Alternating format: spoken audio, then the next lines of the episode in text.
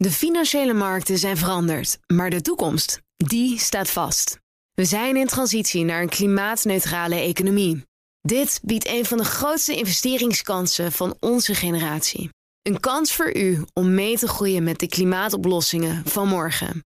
Meer weten? Ga naar carbonequity.com. Carbon Equity. Do good by investing better.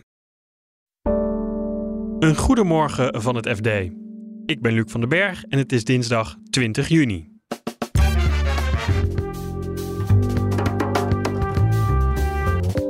Het grondbeleid van Hugo de Jonge moet voor meer woningen gaan zorgen.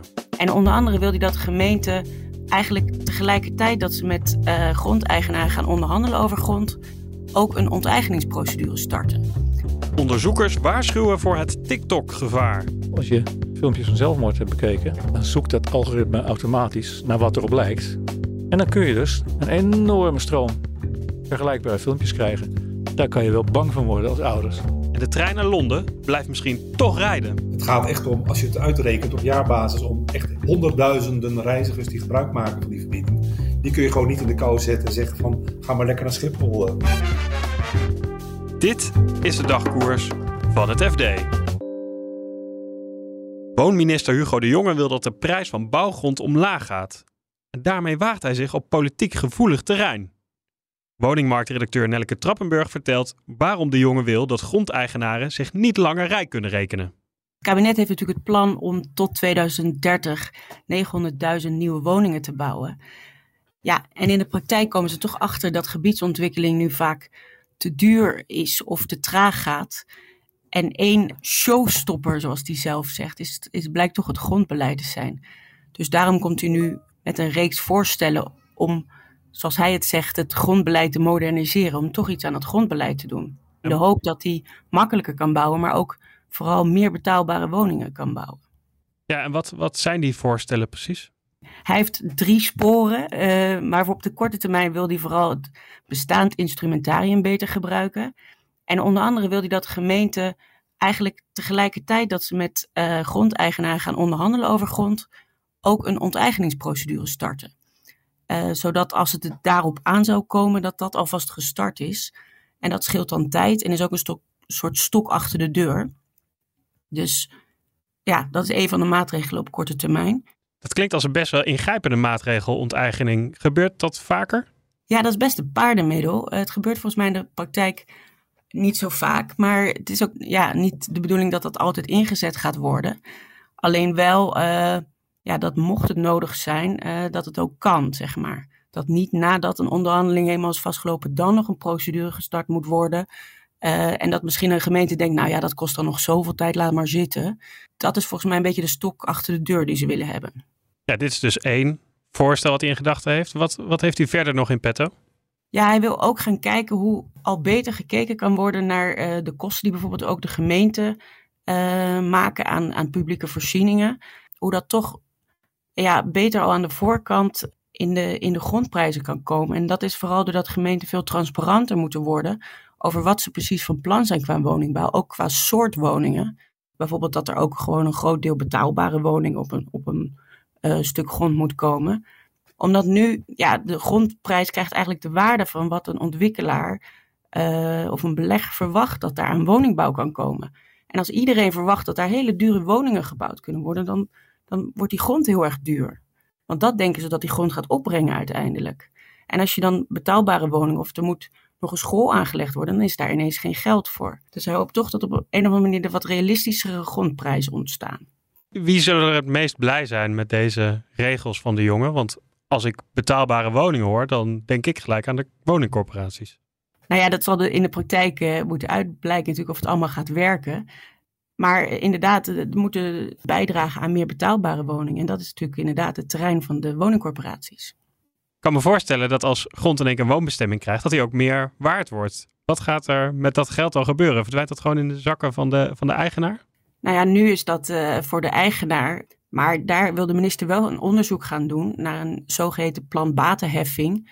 Of dat toch afgeroomd kan worden uh, met een eenmalige heffing.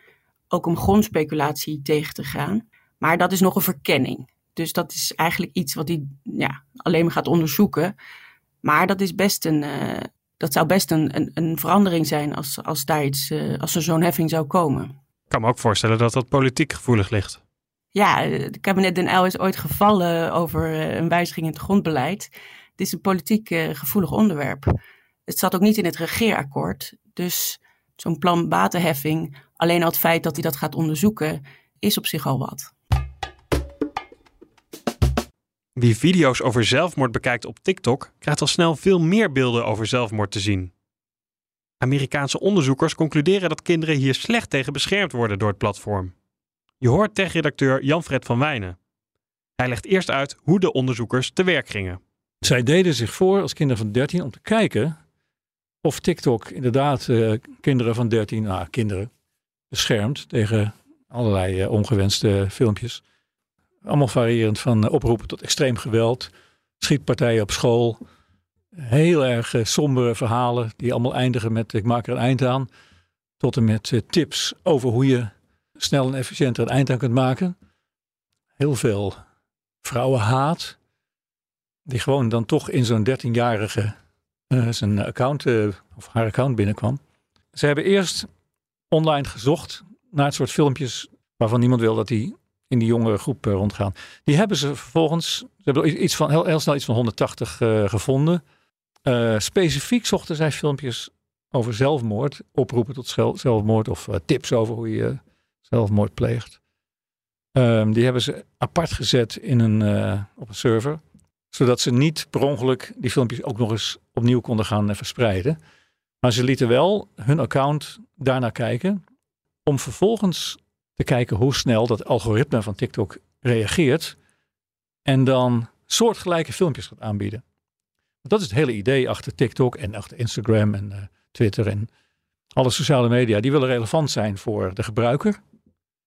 En wat is in hun ogen relevant? Dat is uh, als jij uh, uh, drie filmpjes van scheepsrampen hebt gezien, dan wil je misschien altijd filmpjes van scheepsrampen zien.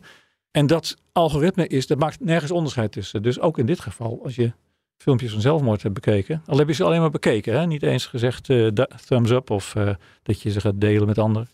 Als je die hebt bekeken, dan, dan zoekt dat algoritme automatisch naar wat erop lijkt.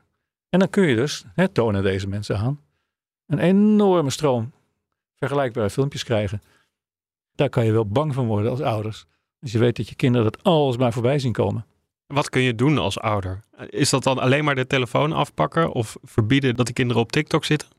Ik denk je, dat je niet anders kunt doen dan uh, uh, ja, je kinderen heel erg bewust maken en houden van waar ze tegenaan lopen. Wat ze kunnen zien, wat, waar ze van schrikken, waar ze dan misschien niet eens over willen praten. En, en hopen dat je je kinderen zover krijgt om te blijven praten over wat ze zien en waar ze bang van worden. Heel veel meer kun je toch niet doen. Maar TikTok lijkt me wel. Wat doen die hier tegen? Ja, TikTok die, die, uh, die schermt ermee. En niemand ziet hoe dat echt gebeurt. Maar ze schermen met 40.000 medewerkers die non-stop uh, en met hulp van, uh, van AI-programma's de foute filmpjes eruit vissen. Nou, daar publiceren ze elke drie maanden statistieken over. Dan zie je dat, dat, dat alleen al zelfs schrikbarend. Daar zie je aan hoe dat medium gebruikt of misbruikt wordt in het laatste kwartaal vorig jaar, ik zeg uit mijn maar iets van nou, bijna 2 miljard uh, ongewenste filmpjes worden eruit gefilterd. En dan zegt TikTok dat het uh, in, nou, wat is het, 93, 40 procent van, van de gevallen lukt het om ze eruit te halen voordat iemand het gezien heeft, waar ze geen statistieken van hebben, is hoeveel filmpjes er doorheen glippen. Gebruikers zijn ook heel erg inventief in het omzeilen van die censuur. Ze gebruiken hashtags waar je helemaal niet aan zou denken dat die iets met onderwerp te maken hebben. En in die uh, gebruikersgroep uh, dringt het vrij snel door dat je een bepaalde hashtag moet gebruiken om een bepaald soort berichten te krijgen. Dus dat is een voortdurende wedloop tussen uh, het bedrijf en de, en de gebruikers.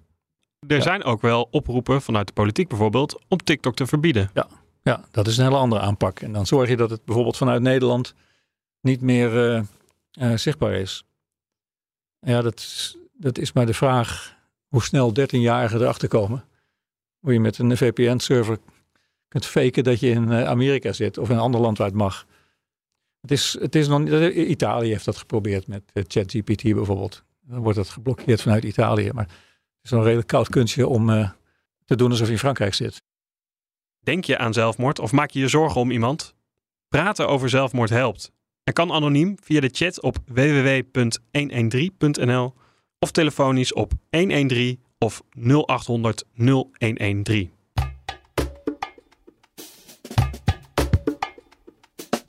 Station Amsterdam Centraal wordt de komende jaren flink verbouwd. Hierdoor kan de trein naar Londen vanaf juni 2024 een jaar lang niet rijden. Maar redacteur Spoor Jan Verbeek kwam erachter dat er misschien nog hoop is voor de Eurostar-reiziger. Nou, ik heb wat, wat achtergrondgesprekken gevoerd met, uh, met een aantal betrokkenen in, in, dit dossier. Je mag het rustig een, een hoofdpijndossier noemen, want het is een heel groot project om Amsterdam CS te gaan renoveren, te gaan opknappen, terwijl de winkel gewoon open is, terwijl de treinen gewoon blijven rijden. Het zou zomaar kunnen dat dat project toch pas later kan beginnen dan wat nu voorzien is, voorspeld is. Het heeft ook te maken met het feit dat er nog steeds geen aannemers vastgelegd zijn van wie dat, wie dat zullen gaan doen. Nou, we weten allemaal dat in de bouwsector dat het eh, vaak moeilijk manoeuvreren is, omdat je te weinig personeel, materialen, vergunningen, milieurapportages, noem maar op. Dus het, het mij niet verbazen dat dat dat project wat ProRail graag op 1 juni 2024 zou beginnen, later begint. En als het later begint, betekent het dat de, terminal langer open kan blijven. De, terminal waar Eurostar gebruik van maakt. En dat daarmee de treinen langer kunnen blijven lopen. Dus het probleem wat minder groot zou worden dan dat nu wordt voorzien. Maar is er dan geen ruimte op Amsterdam Centraal om toch gewoon door te gaan terwijl die verbouwing bezig is? Er wordt gekeken, er wordt serieus gekeken naar een, een alternatief. Je moet de situatie in Amsterdam een beetje kennen, maar daar heb je ook een, een busterminal, een busstation. En daarvan zeggen nu een aantal betrokkenen van misschien moeten we daar toch nog eens serieuzer naar kijken of we daar niet uh, onze passagiers die naar Londen willen reizen op de een of andere manier kunnen ontvangen, uh, kunnen, kunnen controleren op bagage en identiteitspapieren, uh, zodat ze daarna door kunnen lopen naar de trein die klaar staat om hen naar Londen te brengen. Andere optie is de terminal die uiteindelijk gebouwd zal gaan worden, hè, dus die de oude terminal vervangt dat is een, uh, een terminal in de zogenaamde Amstelpassage. Die terminal wordt nu waarschijnlijk pas in 2025 opgeleverd, in de loop van 2025. Het zou natuurlijk heel goed kunnen zijn dat, dat je dat project wat meer naar voren kan halen, of dat je dat wat soberder gaat uitvoeren. Die trein naar Londen, die gaat via Rotterdam. Waarom maken ze daar niet gewoon een terminal en gaan, gaat iedereen vanuit Amsterdam met InCity direct naar Rotterdam en check dan in, in die Eurostar?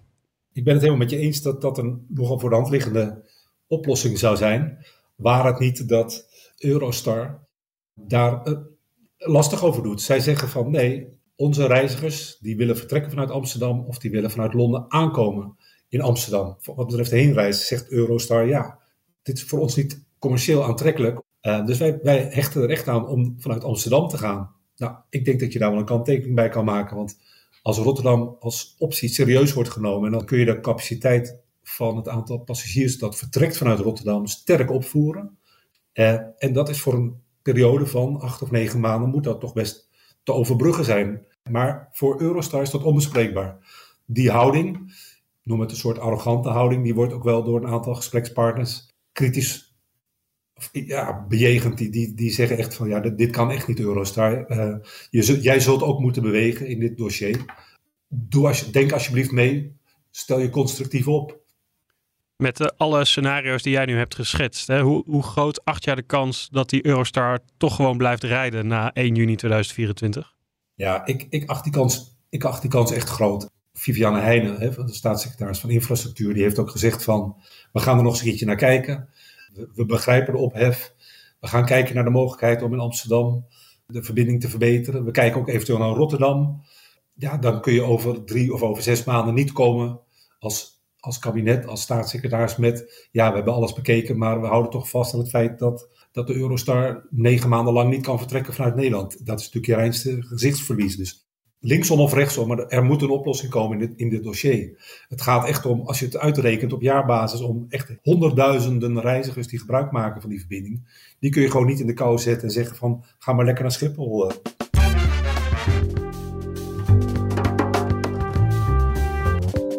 Dit was de dagkoers van het FD.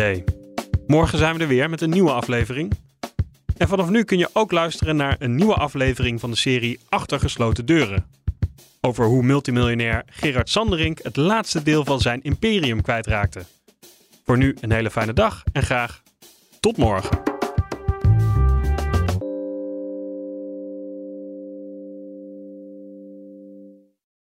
De financiële markten zijn veranderd, maar de toekomst, die staat vast. We zijn in transitie naar een klimaatneutrale economie. Dit biedt een van de grootste investeringskansen van onze generatie. Een kans voor u om mee te groeien met de pioniers van morgen. Meer weten? Ga naar carbonequity.com. Carbon Equity. Do good by investing better.